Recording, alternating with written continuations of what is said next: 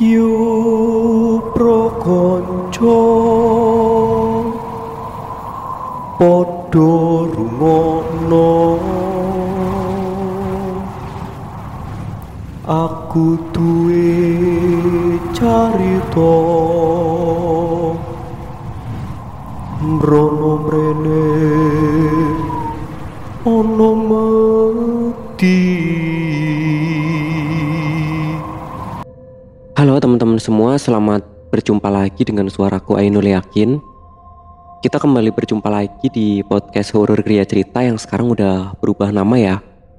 Menjadi podcast Kisah Lelembut. Dan nama channel YouTube kami juga udah berubah ya. Jadi Kisah Lelembut Official. Jadi di channel dan di podcast ini sekarang kita tuh mau fokus ya rencananya mau fokus untuk menyuguhkan cerita-cerita horor, cerita-cerita misteri untuk teman-teman semua. Dan di kesempatan kali ini aku mau berbagi sebuah kisah horor. Ini merupakan sebuah kisah yang cukup menggemparkan ya, menakjubkan sekaligus mengerikan. Jadi cerita ini terjadi sekitar tahun 2007 ya Waktu itu aku juga masih kecil banget. Masih sekitar kelas 4 atau kelas 5 SD ya waktu itu. Dan cerita ini terjadinya nggak di desaku ya, tapi di desa pusat kecamatan. Ya, aku juga ingin melindungi privasi desanya ya dan untuk memudahkan aku bercerita, kita pakai inisial aja ya.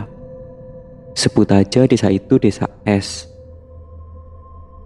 Karena desa S merupakan desa pusat kecamatan, jadi di sana tuh cukup rame ya. Di sana ada sebuah pasar yang cukup besar, kemudian ada jalan provinsi ya. Jadi desa S itu letaknya di daerah Pantura. Pagi itu di desa S semuanya berjalan normal seperti biasanya. Semua warga disibukkan dengan aktivitasnya masing-masing. Dan saat pagi menjelang siang ya, sekitar jam 8, itu tiba-tiba warga desa S digegerkan sama satu peristiwa yang cukup aneh ya dan mengerikan. Jadi ceritanya seperti ini. Di desa itu ada seorang anak namanya Waldi. Waktu itu Waldi masih berusia sekitar 4 atau 5 tahun. Dia belum masuk SD dan dia masih sekolah TK ya. Tapi hari itu Waldi nggak masuk sekolah karena sekolah TK tempat Waldi belajar itu lagi direnovasi. Jadi semua siswa diliburkan gitu ya. Nah, Waldi ini merupakan seorang anak yang cukup rajin. Dia tuh kalau pagi sebelum sarapan selalu minta selalu minta mandi. Selalu minta mandi sama mamahnya gitu ya. Jadi sebelum sarapan itu dia langsung uh, apa ya ribut gitu. Mak mandi dulu, mandi dulu gitu. Nah seperti halnya pagi itu meskipun Waldi nggak masuk sekolah tapi dia juga minta mandi gitu sama mamahnya. Bangun tidur, dia mainan sebentar terus uh, mamahnya lagi bersih-bersih halaman depan ya tapi Waldi udah ribut minta mandi. Mah mandi dulu gitu. Karena mamahnya juga tahu kebiasaan Waldi mama udah menyiapkan air hangat ya. Dan biasanya kalau mandi pagi itu Aldi selalu berendam di dalam bak ya. Bak yang ukurannya nggak terlalu besar sih, muat lah untuk berendam anak sekitar usia 4 atau 5 tahun itu muat gitu. Dan seperti anak-anak yang lainnya, Waldi juga seneng banget ya kalau berendam mainan air gitu. Itu dia seneng banget. Nah pagi itu Waldi mandi di belakang ya sendirian. mamahnya lagi belanja sayuran di tukang sayur keliling di depan ya. Dan papa juga udah berangkat ke kantor ke tempat kerjanya. Setelah berbelanja sayuran, mamah ke dapur ya buat naruh sayuran sekaligus ngecek Waldi. Ternyata Waldi masih asik berendam gitu. Dia lagi mainan tembak-tembakan air gitu. Dan karena udah lama berendam ya mungkin hampir setengah jam gitu. Jadi Mama tuh ngajak Waldi buat udahan gitu. Udahan Yuna gitu, ntar masuk angin loh gitu. Tapi karena lagi asik mainan ya, lagi asik mainan air, Waldi tuh diajak udahan malah marah gitu. Dia malah mencipratkan air ke baju ibunya ya, ke baju mamahnya. Dan akhirnya mamah tuh nggak sengaja menceletuk kayak gini. Kalau berendam itu jangan lama-lama, Ntar ada yang nyunatin loh, ntar ada yang menghitani loh gitu katanya. Tapi Waldi sama sekali nggak takut ya, ditakut-takutin seperti itu. Dia tetap cuek, asik mainan, dan akhirnya mama kembali ke depan ya. Karena emang biasanya Waldi kalau udah ngerasa dingin gitu, udah ngerasa bosen mainan air, dia juga bakalan udahan sendiri gitu kan. Jadi akhirnya mamahnya Waldi kembali ke depan dan beliau tuh ngobrol sama tetangganya ya sampai akhirnya mamahnya Waldi tuh denger Waldi teriak ya teriaknya tuh bener-bener teriak kayak teriak ketakutan kesakitan gitu. Jadi mamahnya Waldi langsung buru-buru kan ke belakang lagi gitu buat ngecek anaknya gitu. Kira-kira tuh Waldi kenapa? Apa jatuh? Apa gimana gitu kan? Dan saat mamah tiba di belakang beliau tuh ngeliat Waldi lagi nangis bener-bener nangis uh, mengejang gitu ya dan Waldi itu nangisnya sambil uh, maaf nunjuk-nunjuk alat kelaminnya ya dan ternyata saat mamah mengecek alat kelaminnya ternyata udah penuh darah dan kondisinya udah terhitan.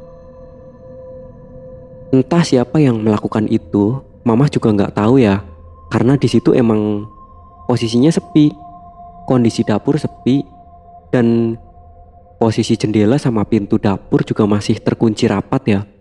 Semuanya tuh masih terkunci karena Mama belum sempet ke belakang gitu ya, belum sempet keluar dari pintu dapur gitu. Jadi semuanya masih terkunci. Nah kemparlah waktu itu ya. Semua tetangga tuh langsung pada datang karena mamahnya Waldi itu teriak-teriak histeris gitu ya. Anaknya tuh ada yang menghitani secara misterius gitu kan dan beliau juga langsung keinget sama ucapannya sendiri.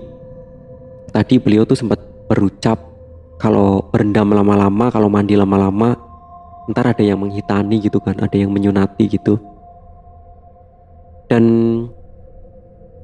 di belakang rumahnya Waldi itu ada satu rumah lagi ya. Rumah tetangganya itu mungkin jaraknya sekitar 10 meter lah. Nggak terlalu jauh banget ya dan di depan rumah itu ada uh, seorang wanita ya yang lagi menjemur kerupuk waktu itu dan wanita itu juga bilang, emang di situ nggak ada siapa-siapa. Dan wanita itu berani memastikan ya, itu wanita parubaya, sebut aja namanya Bu Rimah lah. Bu Rimah itu berani memastikan kalau dari tadi tuh nggak ada orang yang masuk ke rumahnya Waldi lewat pintu belakang. Karena posisi Bu Rimah juga jemur kerupuk sambil uh, menghadap ke rumahnya Waldi gitu kan. Dan posisi dapur tuh masih terkunci semua. Jendela masih terkunci pintu masih terkunci. Akhirnya dengan panik mamahnya Waldi langsung menelpon papa ya. Menelpon papahnya Waldi yang udah berangkat kerja dan dikasih tahu demikian papahnya Waldi langsung panik ya langsung pulang dan papahnya Waldi itu langsung manggil dokter. Ternyata emang bener kondisinya Waldi emang udah dihitan ya, tapi cuma dipotong, gak dijahit gitu ya. Jadi dokter tuh cuma menjahit gitu dan memberi perban gitulah. Selain itu, papahnya Waldi juga lapor polisi ya buat menyelidiki tempat sekitar. Barangkali ada orang iseng gitu kan. Dan ternyata hasil dari penyelidikan polisi juga semuanya tuh uh, normal gitu ya. Semuanya aman. Gak ada sesuatu yang mencurigakan. Pintu semuanya rapat, gak ada yang rusak, jendela semuanya, pokoknya semuanya nggak luput dari penyelidikan petugas gitu ya semuanya tuh normal-normal aja. Dan gemparlah warga waktu itu ya. Satu desa menyebar ke satu kecamatan ke satu kabupaten. Kalau di desa S ada seorang anak yang dihitan sama jin gitu. Dan saat Waldinya sendiri ditanya anak usia segitu kan udah tahu gitu ya. Katanya tuh nggak ada siapa-siapa. Tiba-tiba tuh di bagian bawah perutnya itu kerasa sakit dan tiba-tiba udah banyak darah gitu. Jadi Waldi cuma menjawab kayak gitu dan bener-bener gempar banget ya. Kalau di desa itu ada seorang anak yang dihitan sama jin. Dan mungkin kejadian ini bisa menjadi pelajaran untuk kita semua ya supaya kita tuh lebih berhati-hati dalam berucap ya mending kalau misalnya ucapan yang baik terus jadi kenyataan itu kita bersyukur ya. Tapi kalau ucapan yang buruk terus jadi kenyataan itu kan amit-amit. Jangan sampai gitu kan. Dan mungkin cuma ini dulu yang dapat aku suguhkan untuk teman-teman semua. Semoga teman-teman terhibur mendengarkan cerita yang aku sajikan ya. Terima kasih banyak buat teman-teman yang udah mendengarkan dan kita berjumpa lagi di episode yang selanjutnya. Buat teman-teman yang ingin berbagi cerita horor bareng kami di sini ya, boleh kirimkan cerita teman-teman semua melalui email podcast kisah lelembut atau melalui DM Instagram ya at podcast kisah.